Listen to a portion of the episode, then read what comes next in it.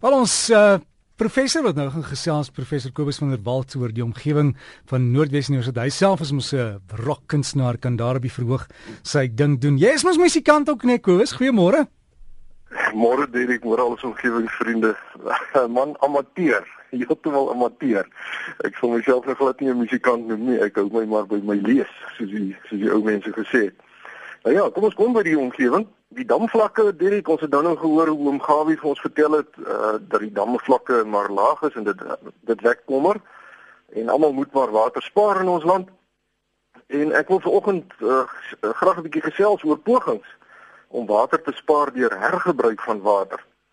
Ehm um, en ek het drie briewe ontvang. Die eerste ene uh kom van iemand van Brei af, meneer Jaap de Bruin. Nou ek het verlede Saterdag gesels oor die swak toestand van ons land se rioolwerke en ook hoe munisipale watervoorsiening sy eie kwota probleme oplewer soos lekkende pype en pompe wat nie werk nie en so.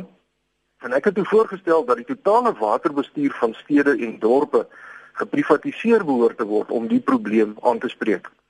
Maar dis dit lyk my dis heelwat meer ingewikkeld as wat dit op die oog af lyk want meneer Jaap de Bruin skryf nou dat hy in die vroeë 1990s in Brei in die Kalahari geboer het en hulle het besef dat hulle werklik in 'n semi-woestyngebied geleë is wat totaal afhanklik is van grondwater.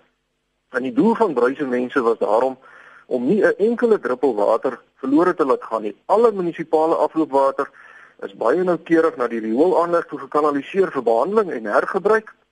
En dan het hulle al allerlei innoverende planne gehad. Hulle uh sou byvoorbeeld varkhokke bo oor die retensiedam van die rioolwerke gebou het sodat die varkmis nou in die water kan beland en dit sou dan dien as voer vir babers en karpe En die uitskeiding van die visse verryk op sy beurt weer die water met nutriënte wat dit nou weer geskik maak vir die verbouing van groente in tonnels. So hulle het 'n hele mooi projek gehad. En die projek was deeglik nagevors deur wetenskaplikes en ook amptenare van verskeie staatsdepartemente. En in 1998 het hulle ook die staatspresidents toekenning van president Mbeki ontvang vir hierdie slim planne van hulle.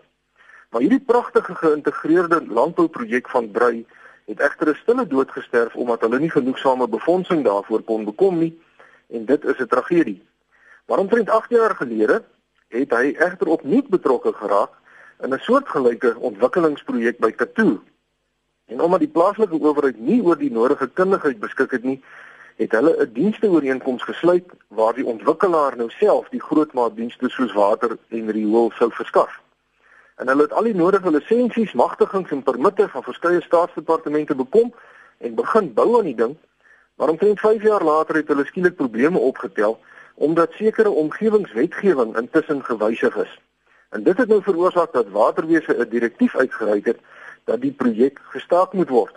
En hulle het as gevolg daarvan ook hulle befondsing verloor, aangesien die maatskappy wat die fondse bestuur, hulle toe as 'n sogenaamde reputational risk geïdentifiseer het omdat hulle nou die wet oortree en hulle toe nou van die projek onttrek.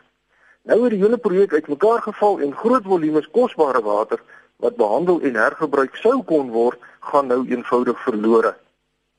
Meneer De Bruin sê hulle probeer steeds hard om die projek op Katoo 'n voorbeeldprojek vir Suid-Afrika te maak waar 'n rioolaanleg privaat bedryf word en waar alle water omskep word in 'n produksiestelsel waarmee voedsel geproduseer kan word. Nou, baie dankie meneer Jaap De Bruin vir u brief en ek moet sê dis om van te ween. Ek kan nie glo dat mense so kortsigtig en bureaukraties kan wees nie. Nou die landswette is natuurlik daar vir 'n rede en 'n mens moet dit gehoorsaam. Eh, daarmee ek moet moet ons almal saamstem.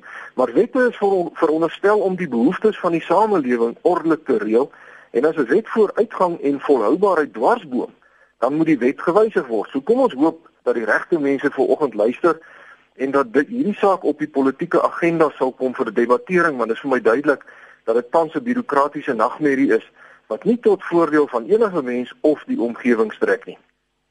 Maar omgewingsvriende gelukkig is alles daarom nie slegte nuus nie. Diekstrom het vir my geskryf uit De Rust, daai pragtige dorpie daar by Meidringspoort. En sy vertel dat 'n groepie inwoners 'n inisiatief met die naam die Blomnek Selfhelp in De Rust gestig het om werkloosheid en watertekorte aan te spreek. En hulle uitgangspunt is bemagtiging eerder as werkskepping.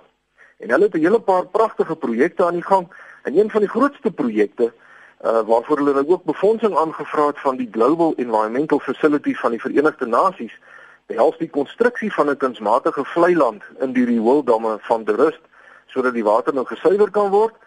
Uh en hierdie gesuiwerde rioolwater wil hulle dan benut om aan eerstens drie rugbyvelde te besproei en die res van die water sal dan gebruik word om gewasse te verbou en op hierdie manier sal 'n klompie mense bemagtig word om 'n bestaan te kan maak. Nou die vleiland tegnologie is oor en oor bewys en dit is uh, goedkoper as enige meganiese of chemiese metode om rioolwater te suiwer omdat die wortels van die papkuil en die riete nou dien as groeimedium vir gesonde bakterieë wat alle vreemde stowwe en veral die skadelike bakterieë uit die water verwyder. Nou dik sê dat indien hulle suksesvol is met hierdie projek, dit landwyd uitgebrei sal kan word na alle munisipaliteite wat probleme het met oorlaaide of disfunksionele rioolwerke. En dik sê dat die Wildlife Environmental Society van Suid-Afrika in George en ook Oudtshoorn se munisipaliteit baie nou met hulle saamwerk om hierdie projek 'n sukses te maak. En sy eindig haar brief met die stelling dat Suid-Afrika meer mense nodig het wat op 'n klein skaal hulle medemenslikheid uitleef deur diegene wat minder bevoorreg is te bemagtig sonder groot vanvare en sonder om hulle self daaruit te wil verryk. Diks met permissie gesê so back moet jam kry en ek moet daarom sê ek gaan redelik baie rond in die land en ek sien talle talle talle sulke projekte van mense wat op 'n klein skaal hier in 'n agterplaas en hier in 'n in 'n in 'n vertrekkie vir ander mense werk gee en dit is die die die goeie nuus van Suid-Afrika. Ongelukkig verskyn dit nou nie eintlik in die media nie. Maar vir al sulke mense wat op 'n klein skaal en sonder om nou die beeld te blaas, uh, ander mense help, wil ek vanoggend ook sê mooi welgedaan en hou asseblief aan daarmee. En ook die mense in is baie geluk met julle mooi inisiatiewe en ek wens julle alle sukses toe. En nog goeie nuus kom van Renay Tron van Mariesburg wat 'n berig aangestuur het oor 'n paar uitsonderlike munisipale werkers van Mariesburg. Ek het nou baie kritiek uitgespreek teenoor munisipaliteite. Uh en en die kritiek, die strekking daarvan is dat die die munisipaliteite nie daarin slaag om die water oordentlik te bestuur nie. En Renay skryf ook dat ons deesdae gereeld hoor van platlandse dorpies wat soms vir maande lank sonder water moet klaarkom of die onaangename ondervinding wat mense maar moet verduur as rioolwater uit gebarste pype vir weke en maande lank ongestoord die strate afloop. En sy vertel nou op die dag na Kersfees verlede jaar omstreeks 6:00 die Saterdagoggend toe begin 'n onverwagse stroom water in Voortrekkerstraat in Mariesburg afloop en die water het op die hoek van Pastoriestraat opgedaal. En die onmiskenbare reuk van riool het onmiddellik visioene van 'n onwelriekende naweek voorspel. En dit was die Saterdagoggend na Kersfees En Renay sê hulle het eintlik verwag dat niemand iets aan die situasie sal doen tot na Nuwejaar nie, want watter munisipaliteit gaan in die feestydde aan rioolstelsels aandag gee? En hulle het toe maar self na die oorsprong van die riool begin soek en toe gesien dat die stinkende water uit 'n verstopte mangat spuit en hulle moed het in hulle skoene gesak. Maar sy sê skaars 'n uur later het die stroomwater opgehou vloei en die warm son het spoedig alles opgedroog en ontsmet. En Renay sê die munisipale span wat die naweek op diens was, het sonder aarzeling ingespring en 'n potensiële ramp afgeweer nog voordat die meeste van die dorp se inwoners eers besef het dat daar 'n probleem is. Watter ander platlandse dorp se munisipaliteit dan Mariesburg dit nadoen? En Renay sluit haar brief af deur 'n woord van hartlike dank uit te spreek aan meneer Henny Boysen wat die spanleier is, uh, Piet Boysen, Christine Jonas, Cyril Boysen en Ronald Boysen vir hulle pypdiens. En ek dink regtig dat Mariesburg baie trots kan wees op hierdie paar mense vir hulle toegewydheid en hoë werksetiek. Ons het regtig meer sulke mense nodig in Suid-Afrika. En daarmee sluit ek vanoggend af. Derek, al my besonderhede is op Facebook se omgewingspraatjies bladsy as u vir my wil skryf of u kan maar net 'n e-pos skryf aan kobus.vanderwalt@nwu.ac.za.